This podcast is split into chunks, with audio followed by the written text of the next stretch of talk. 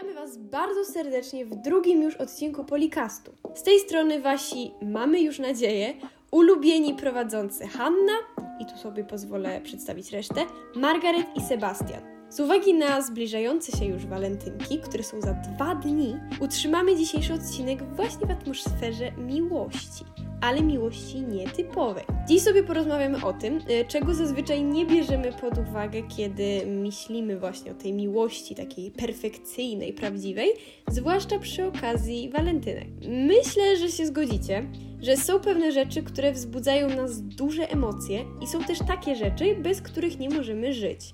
Ale pytanie brzmi, czy możemy to przywiązanie utożsamiać z miłością? Myślę, że najmądrzejszym posunięciem będzie, jeśli pozwolę moim współprowadzącym odpowiedzieć na to pytanie, ponieważ uzewnętrznienie moich skomplikowanych i zapewne nieco dziwnych przemyśleń e, mogłoby poskutkować zbyt długim odcinkiem, który prawdopodobnie byłby po prostu monologiem. Więc Margaret, Sebastianie, czy istnieje coś poza realnym człowiekiem, co wzbudza Was w poczucie miłości? Zapewne każdy z nas miał w swoim życiu taką fazę kompletnego odurzenia się w postaci fikcyjnej. Czy to z książki, komiksu, serialu. Tych postaci jest mnóstwo i wszystkie są nierealne. No właśnie. Patrząc na to ze strony uczucia, można by stwierdzić, że jest to delikatna odmiana obsesji na punkcie wyimaginowanej postaci. Zdrowe to to na pewno nie jest, ale też nie można od razu stwierdzić, że jest to złe. Odczuwamy pewną więź do postaci, która najbliżej są naszej wersji idealnego partnera bądź partnerki. A biorąc pod uwagę, że te fazy tak zwanego crashowania na postaciach fikcyjnych zazwyczaj kończą się wraz z dojrzewaniem emocjonalnym, które wiadomo u każdego przebiega inaczej, więc można chyba stwierdzić, że jest to jednak potrzebne do zrozumienia, czego lubimy, a czego nie. Jakie cechy charakterów wydają nam się atrakcyjne i godne uwagi, a które wręcz odrzucają. Staje to się natomiast problemem, gdy przez tą fantazję zapominamy o tym, że człowiek nie jest idealny i nie można sobie ułożyć idealnego partnera, jak się układa puzzle. Wtedy ta niekonwencjonalna miłość faktycznie zmienia się w obsesję, wręcz uzależnienie. Osobiście sama przeszłam przez fazę zauroczenia w postaci fikcyjnej i stwierdzam, że pomaga to jednak odnajdywać aspekty wyglądu i charakteru człowieka, które nam przypadają do gustu i które po prostu wydają nam się atrakcyjne i godne nawiązywania jakiegokolwiek kontaktu z drugą osobą, szczególnie jeśli jest się jeszcze naiwnym i o miłości niewiele się wie.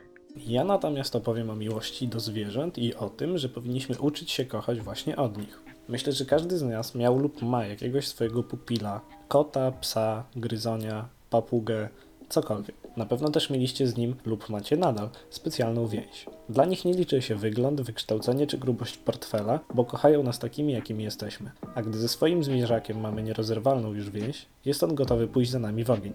Pewnie już słyszeliście o historii Hachiko, psa rasy Akita, który stał się wzorem wierności, a jeśli nie, to już szybko Wam o tym opowiem.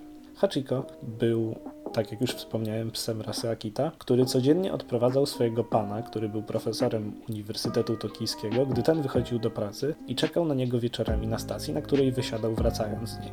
W maju 1925 roku jego właściciel niestety zmarł nagle w miejscu pracy.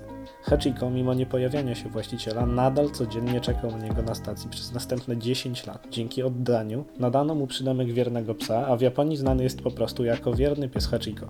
Na stacji Shibuya w Tokio znajduje się właśnie pomnik pieska, a jego historia została opisana w filmach i książkach. Myślę więc, że miłość zwierząt do ludzi oraz naszą do naszych pupili można śmiało nazwać pełnoprawną miłością i dlatego powtórzę tu słowa, byśmy uczyli się miłości właśnie od nich. Tak, e, są to myślę trafne przykłady, które pozwalają nam dojść do wniosku, że miłość chyba jednak przybiera wiele form i że jest nie tylko uczuciem do drugiego człowieka, który jest nam bliski. Możecie to wszystko potraktować jako pocieszenie e, w związku z nadchodzącymi właśnie walentynkami, jako może podstawa do dalszych refleksji czy rozważań, a może też jako ciekawy temat do rozmowy ze znajomymi przy piwie. Tak czy inaczej, e, mamy nadzieję, że mogliśmy tymi kilkoma minutami polepszyć Wam choć troszeczkę dzień.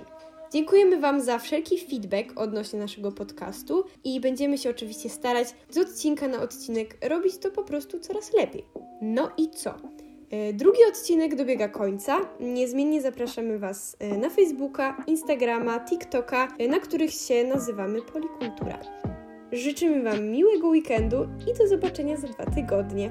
Mówili do Was Hanna, Sebastian i Margaret.